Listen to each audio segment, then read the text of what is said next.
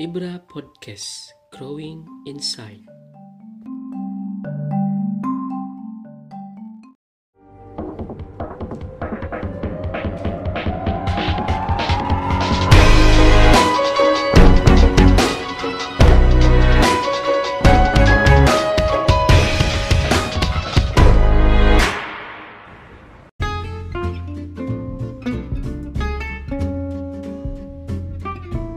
Assalamualaikum warahmatullahi wabarakatuh. Apa kabar teman-teman para pendengar saluran Ibra Podcast? Alhamdulillah, pada episode ini kita akan mengupas kembali tentang pandemi yang menjangkiti negara kita salah satunya yaitu COVID-19. Pembahasan kali ini saya ditemenin sama seorang teman nih, seorang guru. Beliau mahasiswa pasca sarjana UPI jurusan pendidikan biologi. Tidak. Kalau ada murid-muridnya yang mendengarkan suara beliau pasti sudah tidak asing lagi. Namanya adalah Farhan Alfiansah, SPD, CMPD. Asik, calon MPD. Calon MPD. Assalamualaikum warahmatullahi wabarakatuh. Waalaikumsalam. Terima kasih. Kalau saya sih bilangnya nyebut Om Farhan panggilnya. Kita panggil Om Farhan aja biar deket ya. Alright, alright. Apa kabar Om? Sehat Om? Alhamdulillah eh, sebenarnya lumayan agak sehat untuk kali Agak ini. sehat, iya bener. Kamarnya kemarin-kemarin agak sedikit panas ya demam Om. Yes, demamnya horor bisa sampai 40 derajat. Tapi Oh. saya tidak mau menyimpulkan itu karena COVID. Alhamdulillah negatif. Belum dites, Belum tapi dites. secara mekanisme selama empat hari demam, ya apalagi kalau bukan ada antigen yang masuk. Nah, gitu. Kawan-kawan ini yang benar. Jadi kalau misalkan kita, eh, kalau kawan-kawan peka sih apa yang mau kita eh, bahas kali ini, apalagi menampilkan seorang Om Farhan kemarin panas 40 derajat, tapi cerianya masih tetap aja nggak berkurang gitu ya. Terus beliau juga tadi bilang-bilang tentang ada antigen yang masuk. Nah, kurang lebih itu yang akan kita bicarakan hari ini. Yes, ada antigen itu yang akan kita bahas. Oke. Nah, baik para pendengar dari Ibra Podcast, kita akan mengupas agak santai saja nih tentang bagaimana virus itu bisa masuk ke tubuh. Oke. Ya, ke tubuh kita semua nih. Nanti sama Om Farhan dijelasin. Terus juga bagaimana tubuh kita merespon itu. Oke. Bagaimana mekanisme tubuh me- apa sih merespon virus yang datang. Terus nah nanti kita akan kembangkan lah diskusinya. Nih Om, Oke. silahkan berbagi kepada kita-kita nih. Kalau virus masuk sebagai antigen berarti ya? Ya, antigen benar. Itu antigen ke tubuh kita. Lalu bagaimana tubuh kita meresponnya? Oke, siap. Pertama-tama saya ucapkan terima kasih dulu nih kepada Om Fahmi. Om Fahmi, bilangnya Kak Fahmi aja ya, atau Pak Fahmi sih saya bilangnya. Kanunu aja. Dulu. Oke, karena Pak Fahmi dengan podcastnya ini enjoy banget ya, nggak nggak terlalu apa ya, nggak terlalu di pattern kayak gimana gitu. Ini asik lah pokoknya. Oke, eh, untuk pendengar setia Ibra Podcast, asik. Growing Uh, inside. Growing inside. Eh, saya bukan ahli apa ya virologi, tapi seenggaknya adalah beririsan mungkin eh, ngomongin tentang biologi dan virus gitu. Oke, ngomongin tentang virus COVID-19, sebenarnya kita harus clear dulu nih, Pak. Ya. Bahwa sebenarnya nama virusnya itu SARS-CoV-2. SARS-CoV-2.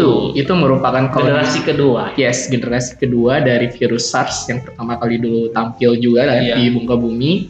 Nah, SARS-CoV itu, SARS-CoV-2 itu, itu yang menyebabkan penyakit COVID-19. Jadi COVID-19 nama Nama penyakitnya. penyakitnya. Ya benar banget. Se- Sedangkan yang penyebabnya adalah virus SARS-CoV-2. SARS-CoV-2. Oke. Nah, bagaimana sih cara masuknya? Ya mungkin teman-teman juga udah tahu ya semuanya bahwa eh, masuknya lewat droplet, bener banget. Apa itu droplet? Droplet itu semacam cairan yang dikeluarkan lewat mulut. Hidup ketika bersin. Yes, sebenarnya ketika kita ngomong juga ini mengeluarkan. Ada yang disebut dengan micro droplet. Justru yang lebih berbahaya itu micro droplet. Kalau droplet kan kelihatan agak gede ya, jadi eh, masanya lebih besar sehingga eh, lebih berat. Jadi paling juga nyebarnya nggak terlalu banyak lah. Iya. iya. Tapi kalau micro droplet ini yang horor. Oh, Dia lebih kecil, dia nyebarnya bisa sampai satu ruangan. Dia berhenti bisa sampai dia diem berkeliling bisa sampai beberapa jam di ruangan. Itu sebenarnya yang bahaya. yang via airborne itu disebut. Nah, itu dia yang kayak airborne, bener banget. Oke, agak mundur kalau gitu Om. jarak, jaga jarak, jaga jarak, jaga jarak nih. Oke. Physical distancing. Oke. Ayo, Nah, memang lewat sana eh, ketika ada seseorang yang sudah terkena virus terus melakukan bersin, batuk, ngobrol atau ketawa terbahak-bahak, dan kita ada di sekitarnya, it's probably akan ada droplet yang berkeliaran di sekitar orang itu.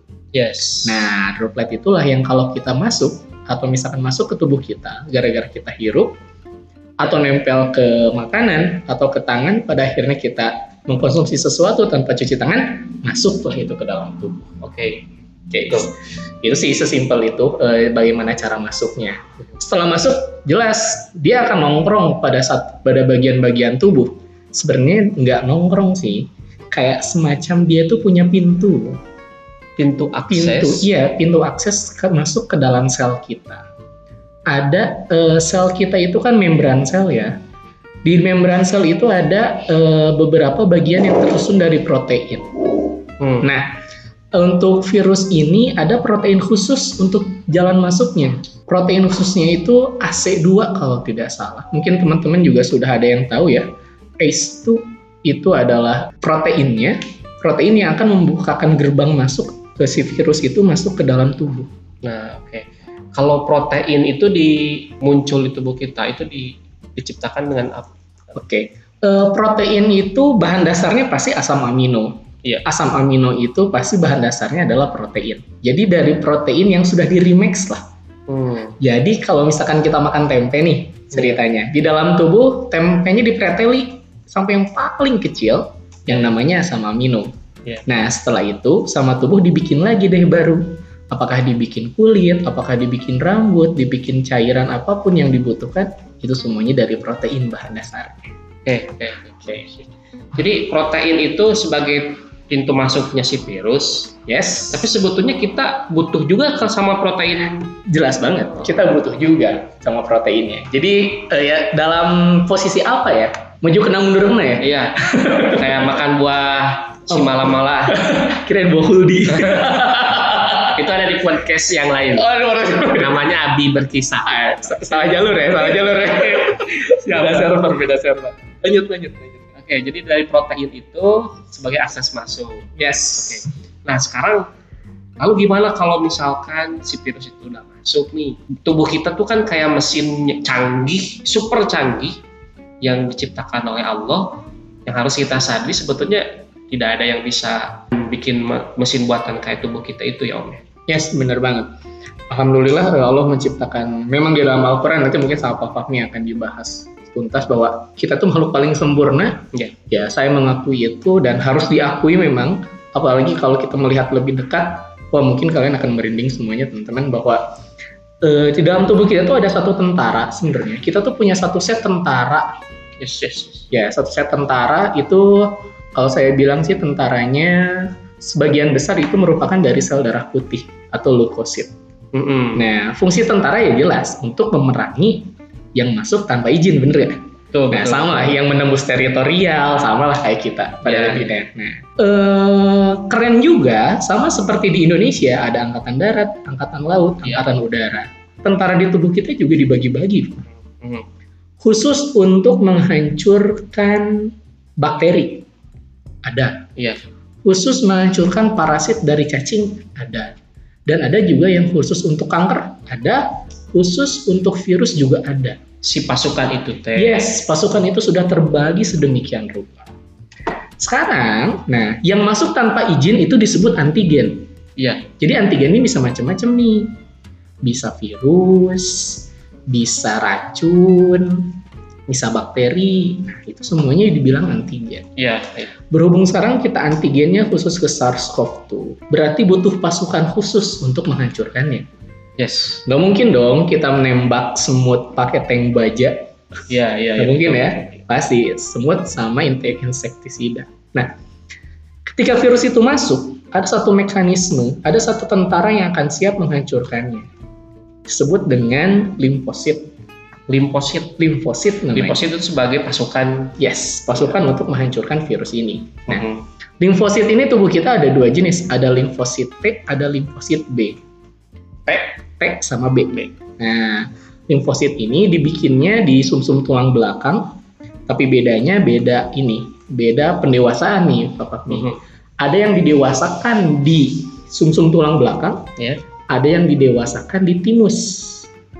Apa itu timus? Ya, nah, ya. kan ini sempat viral juga nih kemarin. Iya betul. Yang dada diketuk-ketuk gitu, betul, betul. Nah, itu katanya biar merangsang timus. Nah, benar sih kalau dilihat dari posisinya. kelenjar timus itu. Kelenjar timus, benar. Iya. Kelenjar timus itu memang nongkrongnya ada di daerah dada. Nah, kelenjar timus ini adalah satu kelenjar endokrin atau penghasil hormon dan dia tumbuh maksimalnya di tubuh manusia sekitar umur 1 sampai 9 tahun. Setelah itu dia tidak lagi tumbuh, melainkan Hmm. stop di posisi itu. Oh, Nah, iya. Itu merupakan salah satu tempat dari pematangan dari limfosit Limfosit. KIT, PT aja. T aja. Kalau B di Kalau B di sumsum tulang sumsum belakang. tulang belakang. Oke, Kayak wow. gitu. Kewasan yang baru sih buat saya pribadi. Oh, keren, keren, keren. Tahan ya, tahan dulu nih. Tahan dulu. Oke, lanjut nih. Bagaimana cara kerjanya? Cara kerjanya keren banget. Kalau mungkin teman-teman lihat dari virus itu, virus tersebut di sekelilingnya itu ada jenis, ada bentuk-bentuk virus kan macam-macam ya. Ya, Untuk SARS-CoV-2 sendiri, teman-teman bisa lihat di sekelilingnya itu kayak ada semacam ini, apa? Eh, spike kalau saya bilang. ya, ya. Spike itu disebut juga protein. Kalau dilihat bentuknya seperti crown. Crown itu mahkota. Yes. Itulah kenapa namanya virus corona. Oh, corona itu diambil diambil dari dasar kata itu karena bentuk kepala apa bentuk ujung proteinnya seperti crown. Ya, ya. Kalau dibandingkan dengan SARS sama virus MERS juga semuanya sama. Itu termasuk golongan corona. Corona karena punya crown Yes. atau mahkota. Benar, karena bentuknya seperti crown Iya. atau mahkota. Kalau diilustrasikan melalui karikatur kan kita lihatnya bulat terus kayak punya rambut gitu. Nah, rambutnya itu yang Ya. disebut spike itu Pak Fahmi. Itu adalah protein, itu crown-nya. Itulah yang diidentifikasi dan dikasih nama sebagai corona. corona. Oke. Nah, setelah itu apa yang dilakukan? Tubuh itu akan eh, menghasilkan satu macam zat yang sangat keren disebut Mhm. dengan antibodi. Antibody. Antibodi ini adalah hasil dari eh, pematangan dari sel limfosit B. yang di tulang belakang. Yes, limfosit B plasma itu Mhm. itu akan dihasilkan. Tapi untuk menghasilkan limfosit B, tubuh harus butuh waktu nih Pak Fahmi. Oke, jadi antibody sebagai eh, senjata untuk menangkal virus Yes. dihasilkan oleh limfosit B, Mm-mm. pematangan limfosit B, dan butuh waktu. Butuh waktu. Soalnya seperti ini, eh, tubuh harus menyesuaikan dulu nih. Kalau yang masuk A, Kira-kira kira-kira dia harus bikin antibodi khusus untuk A. Karena sifat Oh. antibodi ini spesifik.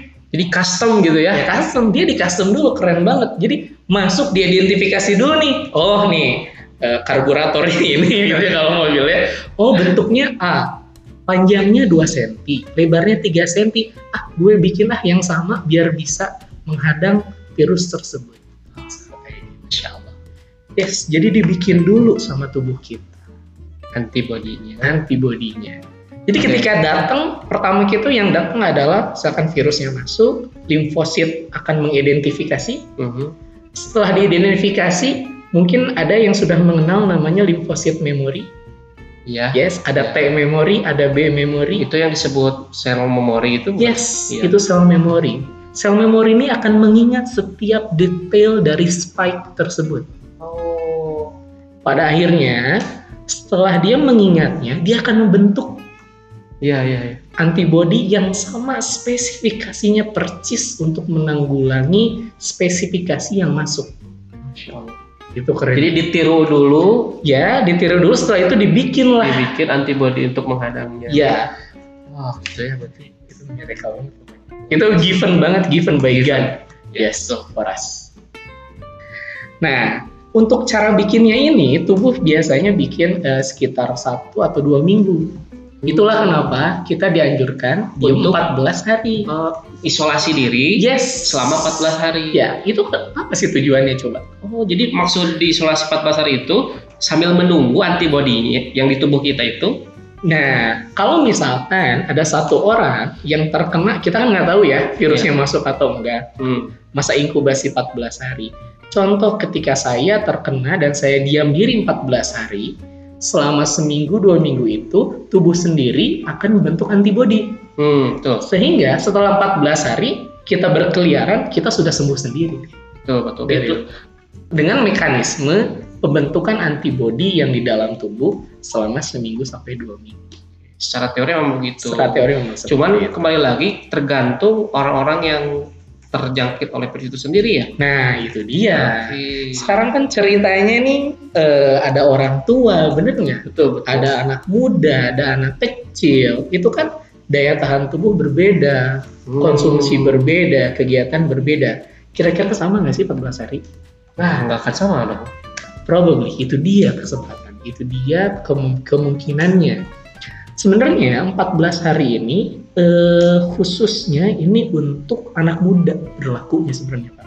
Ya, yang dewasa, anak muda, yang sehat, yang bugar, Yes. normalnya 14 hari. Normal, normalnya 14 hari. Kalau kita garis bawahi di bawah 40 tahun lah. Ya, Di bawah 40 tahun itu normalnya dua minggu itu udah keren banget. ya betul. Lagi produktif, produktif Lagi ya produktif kan? produktifnya. Tapi kalau misalkan lebih, nah mungkin teman-teman juga punya orang tua, coba lihat pola makannya, pasti beda. Betul, betul, betul. Lihat kegiatannya, pasti beda. Nah itu juga mempengaruhi pembentukan. Karena ya lagi-lagi eh, hal-hal tersebut akan apa? Akan memicu reaksi yang berbeda terhadap tubuh. Ya, beda ya. kebiasaan, Betul. pasti akan beda juga. Kalau anak-anak juga sama begitu. Anak-anak juga sama. Nah kerennya apalagi anak-anak. Ini yang harus kita kaji mungkin ya.